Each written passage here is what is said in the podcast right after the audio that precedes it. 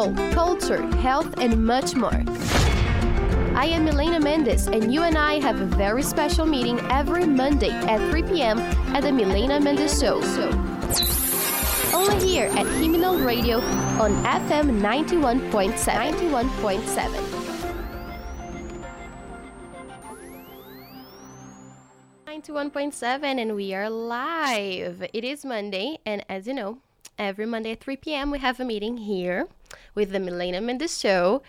And if you have not heard of us yet, we we have been on for about four or five months now.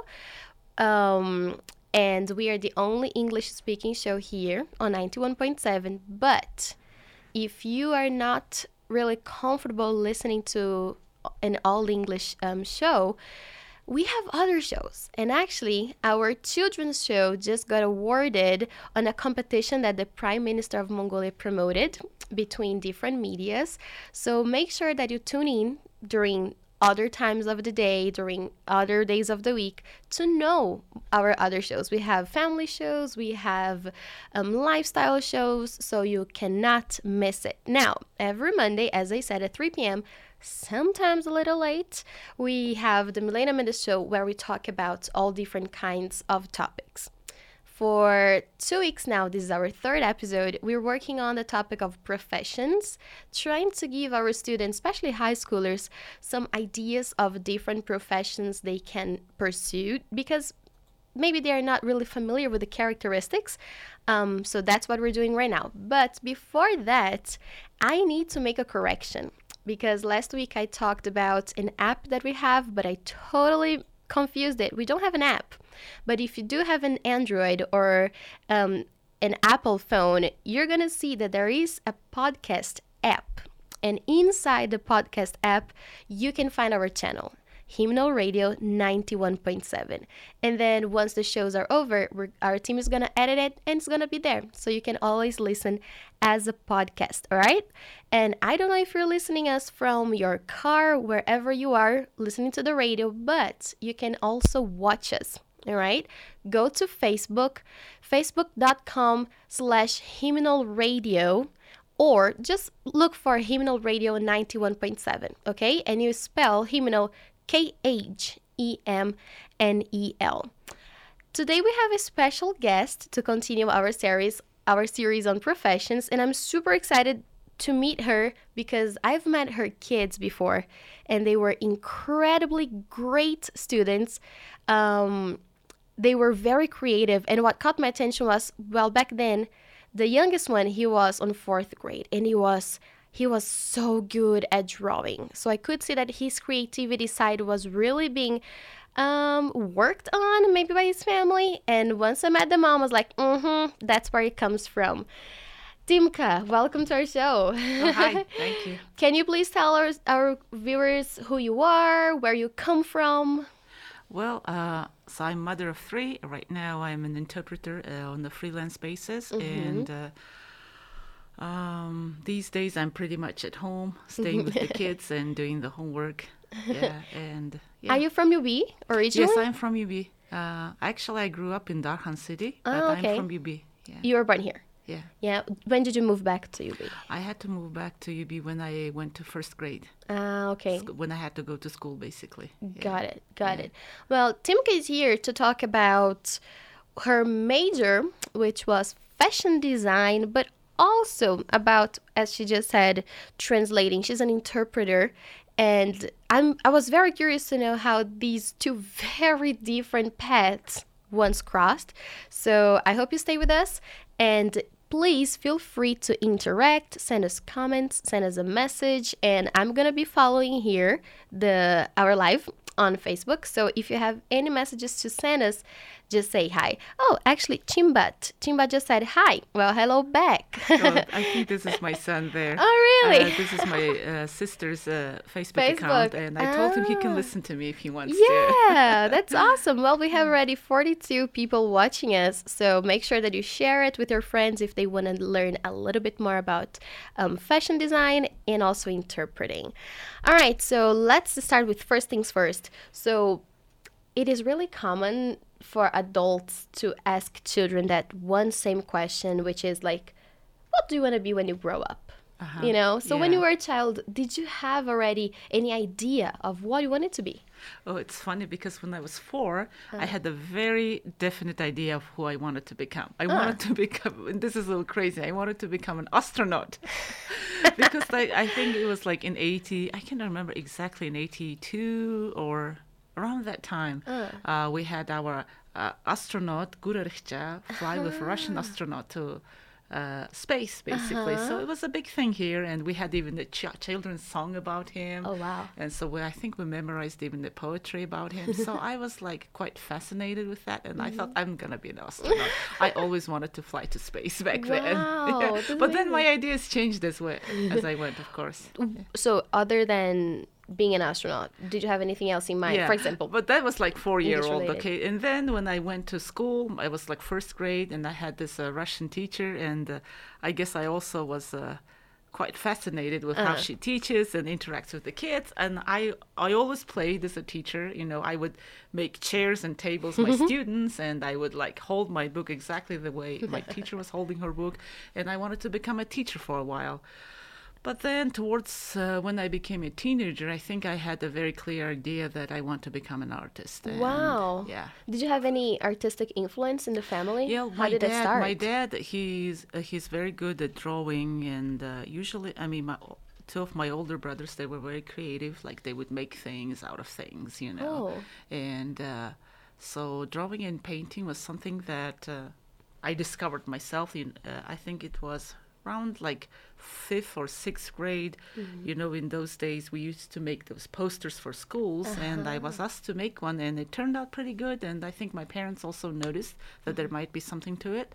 And then I also realized my father actually liked really dr- liked drawing, and my brothers used to. So there was some influence. Did you have art um, subject at school?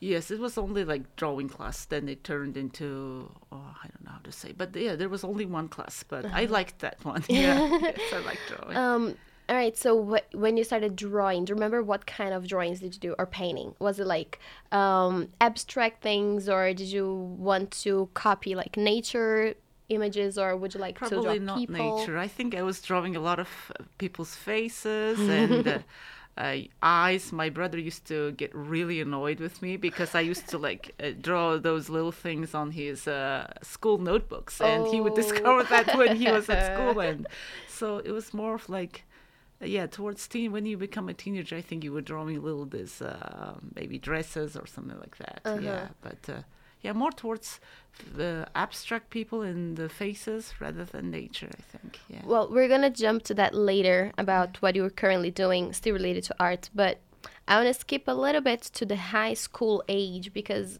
that's what the focus of this series is for for our teenagers who are trying to decide what it was. So you reach high school is that crazy time where you have to decide what your profession is gonna be, you know, for the rest of your life. It's a lot of pressure. Yeah. So how did you decide to go to art school? Uh-huh. So by high school, I knew that pretty much that there were two things I specifically liked. I liked learning languages, and I Uh-huh. really liked also drawing. Oh, I just remembered that maybe around uh, this was not high school, but middle school, like sixth grade or fifth grade. My dad took me to this uh, drawing club. say. nice. Uh, so um, I guess he noticed that I liked to, to draw, and uh, actually our teacher there uh, was also very much appreciative of the gifts and the kids, and he like you know you didn't have to draw perfectly. Like he would really encourage every kid in this club to express themselves. you That's know. amazing. So I I was going there for a while. This is like a children's palace. It still is there. So, but besides that, I went to French uh, uh, club. They had also language clubs there. So it was all kids. There was kids palace, and where you can go into all of those these different trainings. And I noticed that I like art, but I also like like languages. yeah, and uh, uh, so but uh, in the eighth grade, Uh, uh, my sister, one of my sisters, she, uh, while we were just having a chat and walking, I think it was during the night, and she and I was telling her that I wanted to become a painter, that I like to paint, that I, that's what I would like to pursue after I graduate high school. And she says, "Well, you know, for a girl, it would be a very nice profession to be a fashion designer." and back in those days, fashion design was not a very common thing, and I was like. oh, this is very interesting. I, it really got me, uh, got my attention, and uh, uh, and I thought I'm going. This is same major as an artist, and it's just going to more drawing costumes and uh, design clothes for people. And I really like the idea, and that's how I, yeah, became Wow. pretty set about my selection. I would say, yeah. So, how are your parents feeling about the decision? Oh, at that time, I think um, they were not totally against it, but my parents weren't. Uh, Very supportive. very excited either. But I'm very thankful that because some parents would really push you to go for professions which are more popular or which would Yes. Mm-hmm. really help you make more money in the future and become very you know to press you about this uh, to give you pressure right they didn't do that so i'm very grateful for Mm-hmm. That and uh, but uh, they my dad still used to tell me that in the future i think uh, your language skills are going to help you win your bread rather than an artist you know Uh-huh. Wow. that's what he used to say and actually turned out to be true Turned out he was right. Yeah. Who knew? Um, Yeah. Now that you mention this, um, I I do come across like a lot of families who tend to put on the children this dream profession that they never pursued. You know, and it, in my opinion, is is just just not right. You know, Yeah. maybe the child wants to pursue I don't know, med school, but the parents are no, you have to become a lawyer Yeah. you know so what message would you give to the parents who are trying to make a decision for their kids instead of listening to what they are actually willing to study Mhm. So, as a parent, I guess I can understand it can be, it can seem uh, very risky for them to allow their ch- child to decide to Mm-hmm. go down the road which they think is way too off, right? yeah Mm-hmm. Um, but on average, I really would encourage parents uh, to let to talk with their kids and to let them make their own decisions. Mm-hmm. And unless if they decide to go down the path which is uh, totally off their gifts and which Mm-hmm. is totally wrong. Uh, like I know my friend, I think I, I would better give an example. uh, yeah she sure. was always good at math and Uh-huh. she wanted to go to this more technical university. Okay. And uh, her parents encouraged. But when uh, she did go to the school she did not like it at all. Like she hated it. Oh. and so she dropped out of school and she of course hid it from her parents. Oh wow and the next year all of a sudden she heard about this uh, artist art school. She also was a fashion designer. Ah. But uh, uh, she decided it on uh, how to say she, it sounded very exciting. And on a, one simple emotion this she decided that she's gonna go after it. Uh-huh. but this was and her dad was also cautioning her like in her entire family uh, from the history there's nobody who really pursues that That- career path mhm. nevertheless she graduated she went still on but however she had a hard time graduating Mm, although this was a very exciting idea this was Uh-huh. not part of who she is or what her real gifts are Mm-hmm. so i think it's a balance your parents know uh, where your gifts are but then Mm-hmm. they still should give you some freedom so i encourage parents to really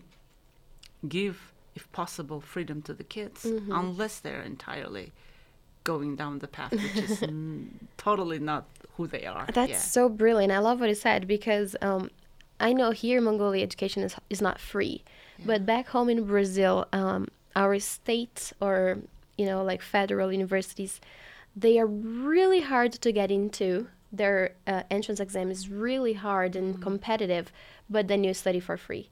So it is a free education for like four or five years, but it's really hard to get in and get out. So you gotta really study for that. You know, um, the university I went to was a private school. So I remember this friend. Her name is Bruna.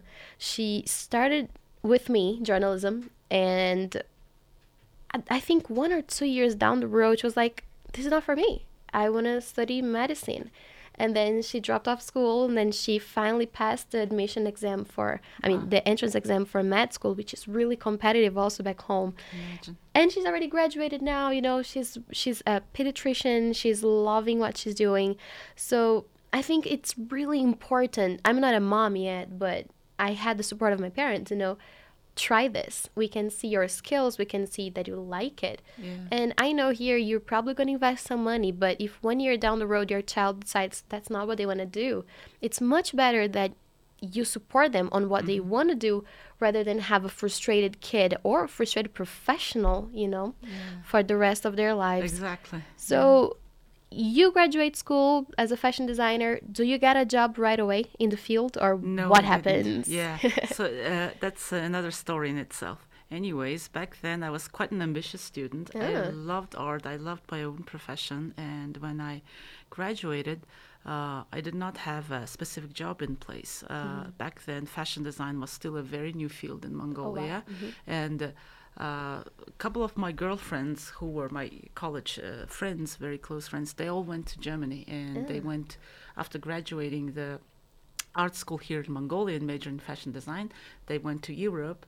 Uh, that was Germany back then, and uh, so they continued studying. So they wanted me to come and join them. Okay. And I was really excited about that. I Ah. wanted to, you know, uh, finish this uh, school in Germany and then, you know, do fashion design in Paris. All Wow. of these big ideas.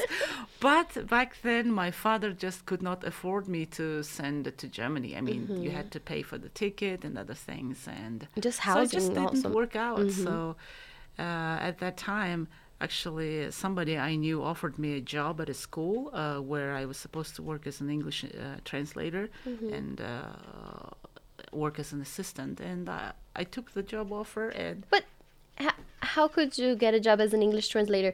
How did English yeah. get into your life? I'm probably really confusing our audience. Uh, the thing is, uh, I forgot to say, I think I said I always like languages, right? Uh-huh. So I started really learning English when I was around, uh, in when I was in eighth grade. mm-hmm. And uh, that was back in high school. I had two other girlfriends. Three of us went to tr- these English courses, these uh, training courses, and uh, we were like, uh, uh, we loved what we were studying. We worked very hard, and uh, we completed this training very successfully. And so English was. Uh, uh, something that I was learning well, and I really, really liked learning. And uh, so, besides being an art stu- student, I was also part of a church, and uh, I would also help translate things. and Ah, I think, yeah, that was something uh, that was already there in my life. And then uh, when I graduated school, I wanted to go to Germany, become a fashion designer. It did not work out, but then a job offer came Uh-huh. with a person who actually knew me before, and uh, actually I interpreted for her before, and she's like, "Why won't you work with me?" And although it was completely different path, this was something that I was doing, and And you still liked yes. it. It's not like it came to your life and you're like, oh, I have to take it. No, you yeah, really liked no, it. Mm-hmm. Yeah, I, I liked it, th- but that was not my primary passion. You know, I didn't want. Yeah, when my dad was encouraging me that you, you're probably going to really make a living by translating, Uh-huh. I imagined myself like this, being an office worker. Like that was always boring to me, and I was like, no, I want to do art, but somehow. I, so I my first job I got it as a translator, and it just continued throughout my life up Mm-hmm. Until today. Up, uh, up until now. Yeah, up Right? How many now. years has it been? It's almost 20 years now. Wow, that's yeah. brilliant. Well, so let's let's talk about the translating part for our teenager students who are watching this. What kinds of jobs can an interpreter do? Because as you're saying, like you thought it was just going to be an office job. So, what other opportunities can can an interpreter have? Well, uh, mm, so you can have, I guess, uh, the situation was a little different when I was just out of college. That was like almost 20 years ago. Then you could, you know, we had foreigners coming into Mongolia. It was just the beginning, so maybe you could become their personal translator. Uh, pretty much. Uh, some mining companies started to open later and you could become translators. But these days uh, uh, translators as a translator you have two options basically. Uh. i think one is you can have your own uh, translating bureau where people pay and have you translate documents and you can do that. Um, but if you are not so much interested in that you can really uh, uh, go the second option which is i think more competitive much more interesting.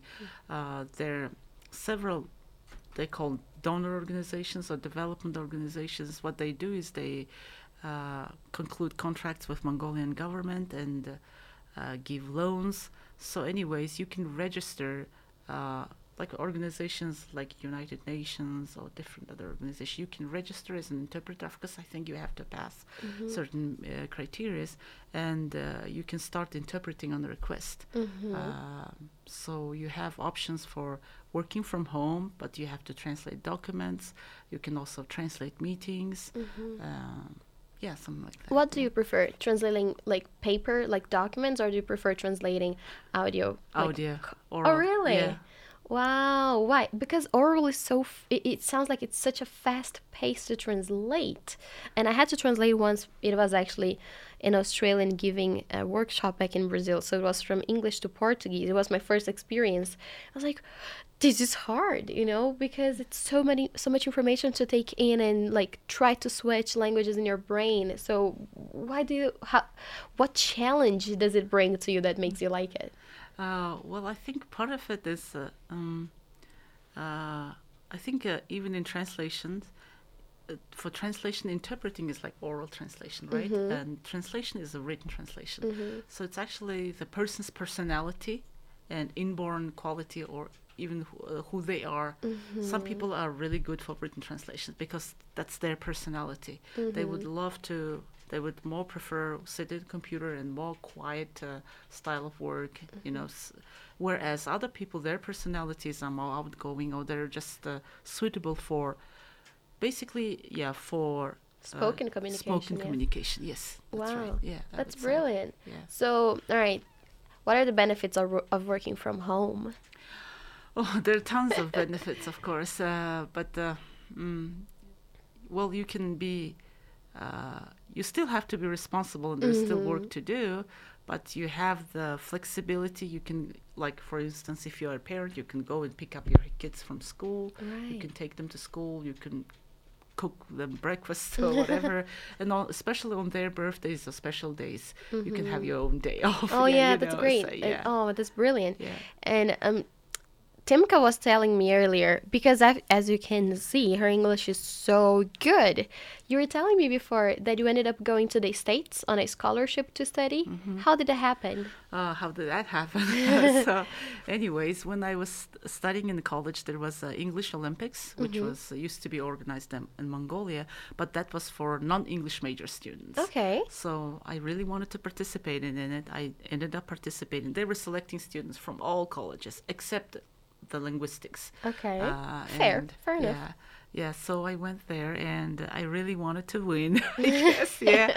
and anyways, and but the, the big thing that uh, really played an important part to it is I love doing it. I guess Mm-hmm. the love for it and really plays a major part. For and, sure. I agree. uh, so I participated in these Olympics. So there were many of us students living in a dormitory together, Mm-hmm. and our teachers also living for a while with us. And it's a it's like a two months process. It's almost yeah, it's quite a long process. Anyways, so I had the opportunity. If you win uh, that Olympics, Mm-hmm. you are granted a chance to go to the United States Wow. and study in university. Yeah, as a scholarship. Yeah, as a How long were you there for? for a year. A year. Yeah. And so a lot of people don't have this opportunity, you know, of going abroad. But nowadays there's so many tools, especially technology, in our favor. So what tips can you give to Mongolians who are trying to learn English?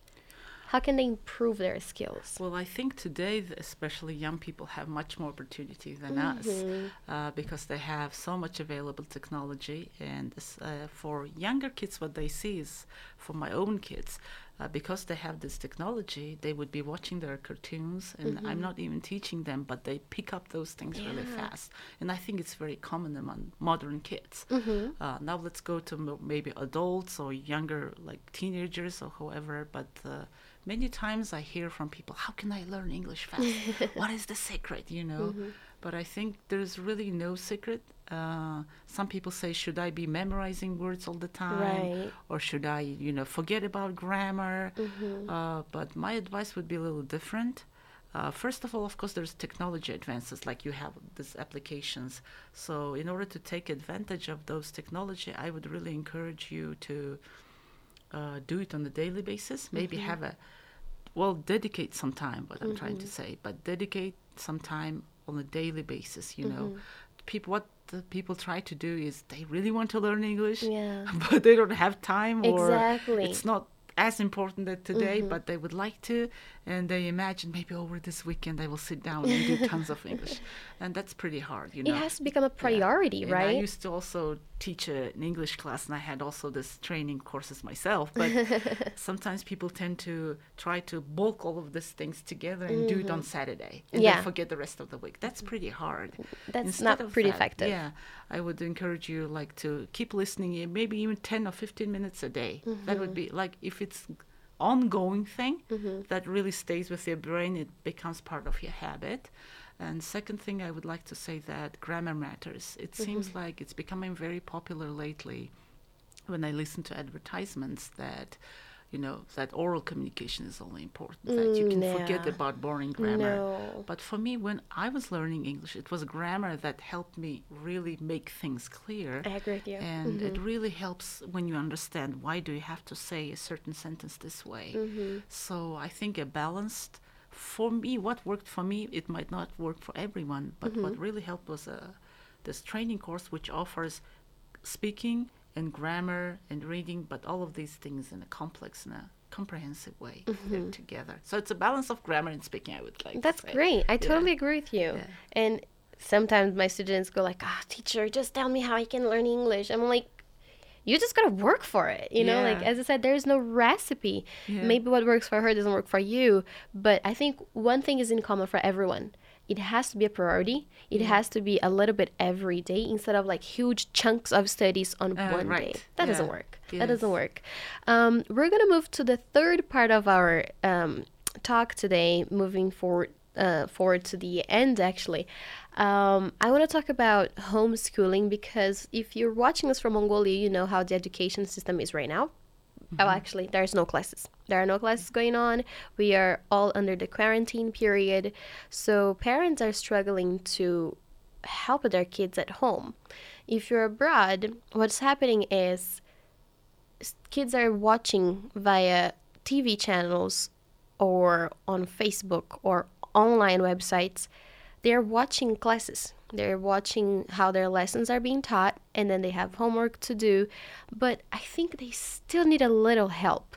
So Timka, she was really sweet in accepting talking about this because she has three kids and she's got some some suggestions to give us. So how have you helped your kids to study during this quarantine period? Well, yeah. Well, I guess my method is very simple. That's like tracking. Uh. Basically, yeah. Every morning when they get up, I guess I have one advantage that is the freelance job Right. that allows me to stay at home. If you have a, a full-time job, I think it would be a little hard, but still you have to track. Uh, so what I do is, uh, kids get up first thing in the morning. They have their breakfast, but they go start watching their TV. Right. Okay. My oldest one, uh, she she starts uh, watching, and so what we do is we track: Have you completed what you need to do today? Mm-hmm. Yes, and have you posted on Facebook because teachers are tracking by via Facebook posts Their So- homework, the yeah, assignments? Yeah. Ah, okay. And so, as a parent, I guess you have to know uh, what time and which classes are happening today. So you have to be kind of involved. I Mm-hmm. Yeah.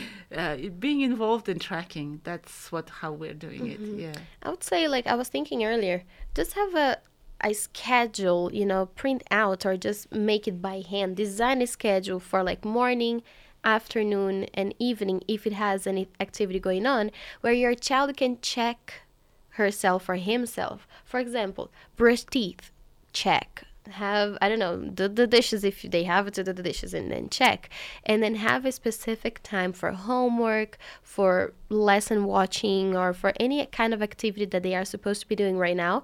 Because if kids are home alone, they're probably getting lazy, you know, and they course. probably don't even remember everything they have to do. So if you parent help them with a little schedule, make like fun, put stickers on it, you know, things that will attract them. That can help them follow it.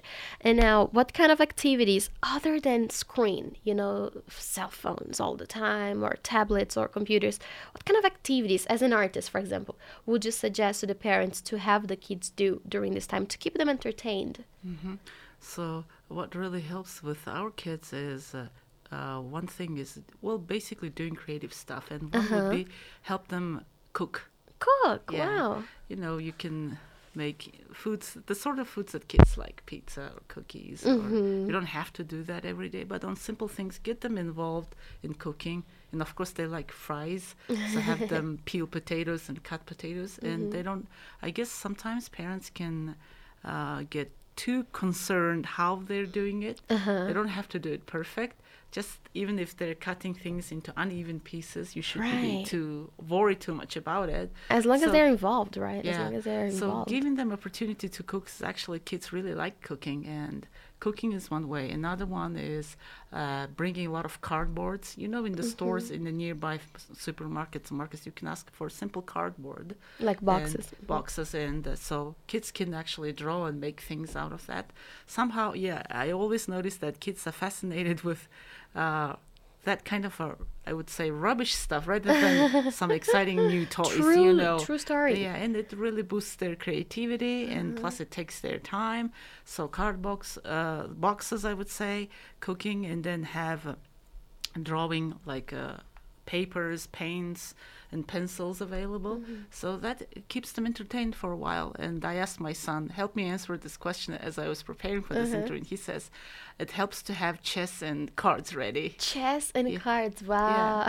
so they play card for a while they get bored they start playing chess they get bored then they can do something else but uh, especially the cardboard boxes keep them entertained That's Yeah, yeah. great. That's great because um, again, I I talk up with a lot of parents. Um, most of the people my age here, they already have kids, and we're always talking like, how do you keep your child entertained? Oh, they just want to watch YouTube videos all day long. I'm like, mm, I don't tell them, but in my mind, I'm thinking it's your fault. You know, you keep giving them the screen yeah instead of replacing it with, as you said, like what is rubbish for us, for them is entertainment. Know, like plastic bottle, just the caps, you know, they can use to create art with that, you know. yeah.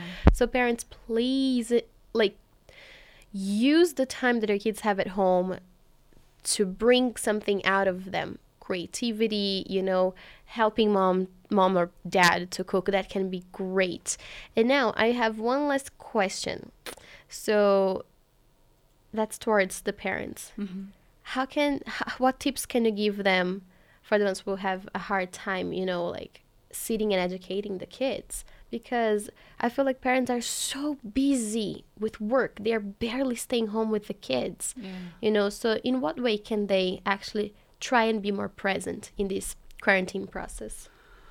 Um, well, I guess one thing that we can do is probably change our mind how we see it. uh, Uh, I used to also be really busy and then think that after coming uh, after a busy day, you know, you have to spend your time with the kids. You want to spend time, but You do. you think that it's a big thing, you know, and just the thought of it makes you tired, right? Uh-huh. But instead of that, change your mind, and uh, this is actually very doable. Mm-hmm. Actually, when you do it, it's not that a big of a thing. I think we make things very complicated, Mm-hmm. and uh, we think that you have to, you know, spend so many hours. That's not that is.